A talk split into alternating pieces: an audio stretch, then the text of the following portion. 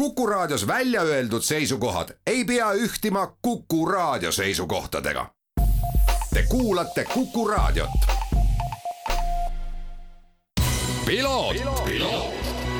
ralli uudiste parima kvaliteedi tagavad Osmo õlivahad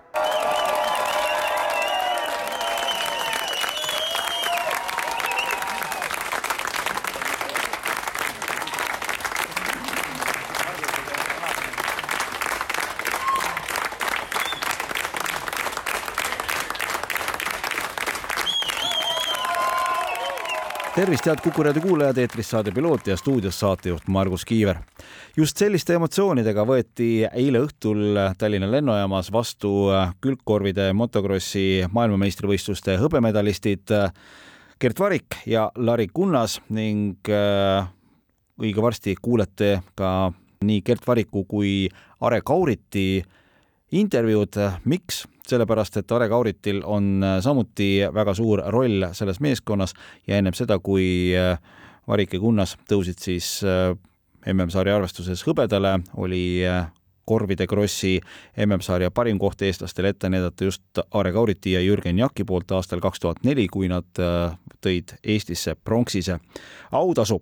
Ning varem on eestlastest motospordi maailmameistrivõistlustel poodiumi hõbedasele astmele tõusnud Aigar Leok, seda siis enduro maailmameistrivõistlustel.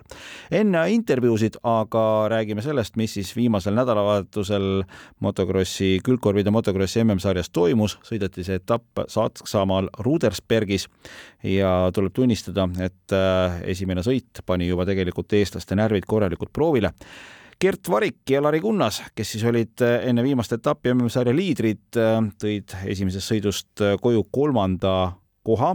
Nende põhikonkurendid MM-tiitli jahil, Etienne Paks ja Andrei Tsermak, aga võitsid sõidu, see tähendas siis seda, et enne viimast sõitu oli seis täpselt võrdne ja maailmameistri pidi selgitama hooaja viimane võistlussõit.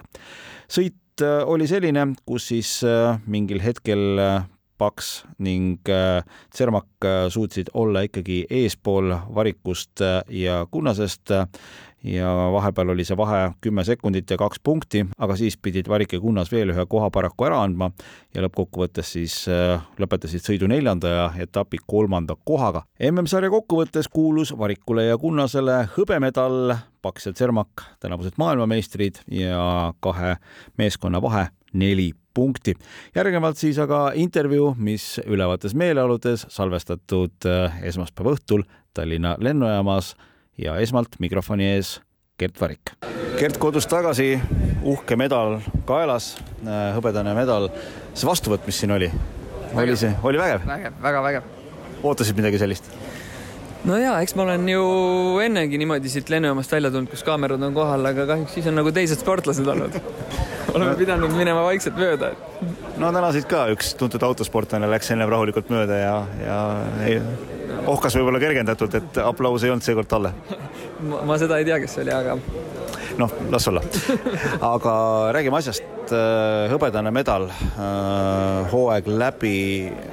No päris ausalt, kuidas sa, kuidas sa ise nagu seda hindad, sest noh, arvestades, et tegelikult kuld oli käeulatuses oli küll jah, äh, kuld oli käeulatuses, aga me ikkagi oleme üliõnnelikud selle teise koha üle, sest äh, me ikkagi võitsime ühe etapi, mida pole veel suutnud keegi ja läksime kahele MM-ile ikkagi punaste plaatidega liidritena, et äh, me oleme ikkagi ülirahul. pigem see, et me olime esimesed seal, see, see oli võib-olla veel ekstra õnn, et aga meie ees on viiekordne maailmameister, meie selja taga on maailmameister, me oleme kahe vahel, et noh, me oleme, me oleme ikkagi kõik endast andnud. see on jah, ütleme selline päris väärikas võileib äh Aare Kaurit äh, mainib natukese aja pärast ka siin ühes intervjuus, et äh, kuskil selline suurusjärk kaheksateist aastat tagasi olid sa kusagil Karksis seal ümber nende bussi luusinud ja sealt oli kõik alguse saanud. kuidas sina seda mäletad? ei, ma mäletan seda asja täpselt kõike, kuidas toimus, et äh, pigem Kaurit ei mäleta, sest tema siis mind ei teadnud, et et minul on kõik asjad täpselt meeles, kuidas see asi alguse sai, et seal tegelikult oli päris äge story. Aare vaatas, et mingi kutt vaatab nende trenni pealt ja neil oli grillsütt vaja ja siis ma tõin poest grillsütt ja siis ta lubas, ütles, kuule, tule tee järgmine päev tiiru, oskad korviga sõita, siis ma rääkisin talle, et ikka vähe oskan, et mul isa ka vana krossi vend siin külkaga sõitnud ja siis nii see lahti läks, siis Saare juba siis juba teadis mind, ta ei viinud lihtsalt nägu kokku. No aga sealt edasi jah, algas selline äge koostöö.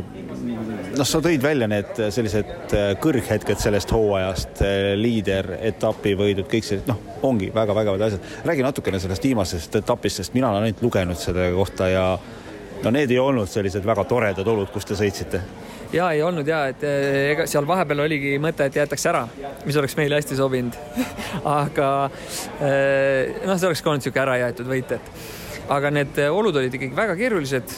laupäeval isegi B-grupi kvalifikatsioon tühistati, meil ka poole pealt eh, lõppes aga pühapäeval sai nagu krossi ära korraldada, olid väga keerulised olud, et kuskilt tehti otsemaks, stardijärjekorras see järjest läks.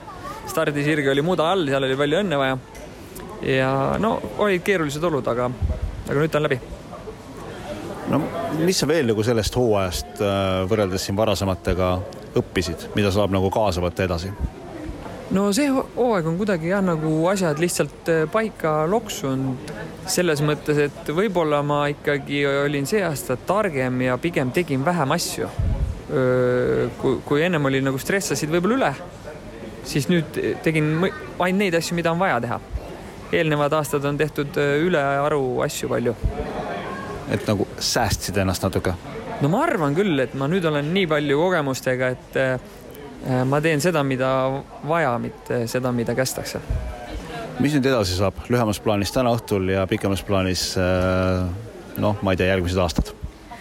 tänases plaanis on see, et tegelikult on meil veel rahvuste kross järgmine nädalavahetus, et reedel juba lendame tagasi, sõidame Tšehhis rahvuste krossi ära ja siis on meil üks niisugune sõukross veel Arukülas, mida Aare Kaurit korraldab, et teeme, teeme selle ka ära, sest ma olen Aarele lubanud, ega ma üldse ei viitsi minna, aga ma ainult Aare pärast.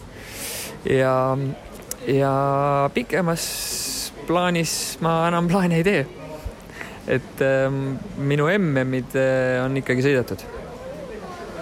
aga lõppes, lõppes ägedalt, ma arvan. ma arvan küll. kui see oli lõpp no ma olen neli aastat lõpetanud, et eh, nüüd, nüüd peaks nagu olema, ma nagu ma ennem ütlesin, eh, nüüd ma teen neid asju ikkagi, mis on vaja teha ja nüüd ma tean, et see, see otsus on mingi päev ikkagi vaja ära teha. aga näed sa järgmist Kauritit, Varikut? no eks neid ikka on, e-, ega ma kohe ei näe, aga ega Kaurit ka ei näinud, ma arvan, kui ta lõpetas. aga ega need tulemata ei jää, et Kauriti enda poiss sõidab ega siin on teisi poissi veel, et eh, natuke siin millegipärast need eh, osad poisid siin, head kiired mehed eh, lõpetasid viimane aasta, aga ma loodan, et nad kodus nüüd kogusid hoogu ja tulevad tagasi järgmine aasta. aitäh ja aitäh sulle nende emotsioonide eest. aitäh teile nii rääkis Gert Varik, aga nüüd sõna Are Kauritile, kes siis kahe tuhande neljandal aastal koos Jürgen Jakiga MM-sarjas pronksmedali koju tõi ja on alates sellest ajast teinud ka koostööd Gert Varikuga. Ning äh, palusin talgi alustuseks oma meeleolusid kirjeldada pärast seda, kui ta koos Gert Variku ja Lari Kunnasega Saksamaal selle hõbemedali koju tõi väga-väga vägev tunne on.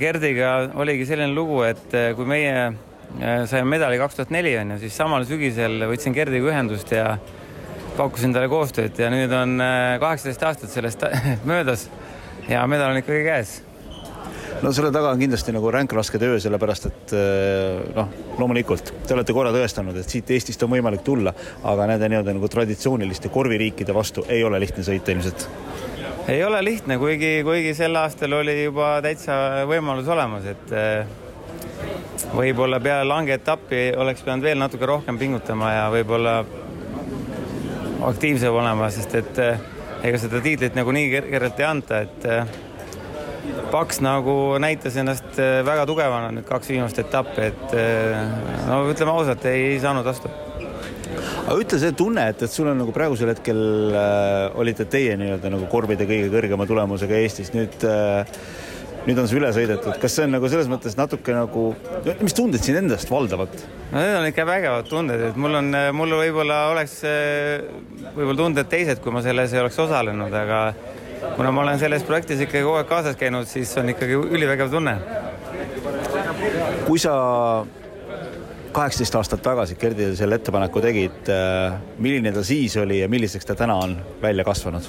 no siis ta oli kahekümne aastane ja, ja ütleme niimoodi, et täitsa algaja lihtsalt äh, oli selline juhus, et me olime seal Karksnu ja Rae peal treeninglaagris ja siis Variku poiss käis seal ümber bussiringi ja ma tast üst, natuke teda teadsin, eriti tema isa, eks ju. ja siis pakkusin talle sõita, et kuule tahad sõita siukse MM-i mootorrattaga, ta sõitis tol ajal ise selle Vene M-iga ühesõnaga. Tegi seal paar tiiru, jakk oli korvis ja siis ma kohe vaatasin, et see on vist küll mingi andekas vend. Ja ei läinud nagu meelest ära ja siis kui hooaeg sai läbi, siis siis ma helistasin, otsisin ta numbri, helistasin talle ja kutsusin enda juurde, küsisin, tahad kunagi MM-i minna. Ja nii see hakkas. Ja täna, mis ta sellise nii-öelda selle medali taga on? no eks see on ikka keeruline, see on ikka palju tööd ja, ja vaeva ja noh, ikka, ikka vägev on see medal saada, ega seda nii kergelt sealt ei anta, see on ju, see on ilmselge. Aitäh sulle! palun! nii rääkis Aare Kaurit ja võtame siis kokku MM-sarja eestlaste vaatevinklist. hooaja viimasel etapil teenisid äh, kokkuvõttes viienda koha ja MM-sarja üldarvestuses kaheksanda koha Gerd Kurdeev ja Kaspar Stupelis. ja kui äh, räägime veel eestlastest, kes siis tänavu MM-sarjas punkte koju tõid, äh, olid MM-il üldarvestuses kahekümne esimesel kohal neljakümne nelja punktiga Tanel Reesna ja Sten Niitso ja veel said punkte Ülar Karing, Oliver Sebastian Lamp ning Argo Põldsaar ja Teet Eier kõik kolm Rudersbergis osalenud Eesti korvipaari osalevad tuleval nädalavahetusel siis ka Tšehhis Kramnolinis külgvankrite rahvuste krossil.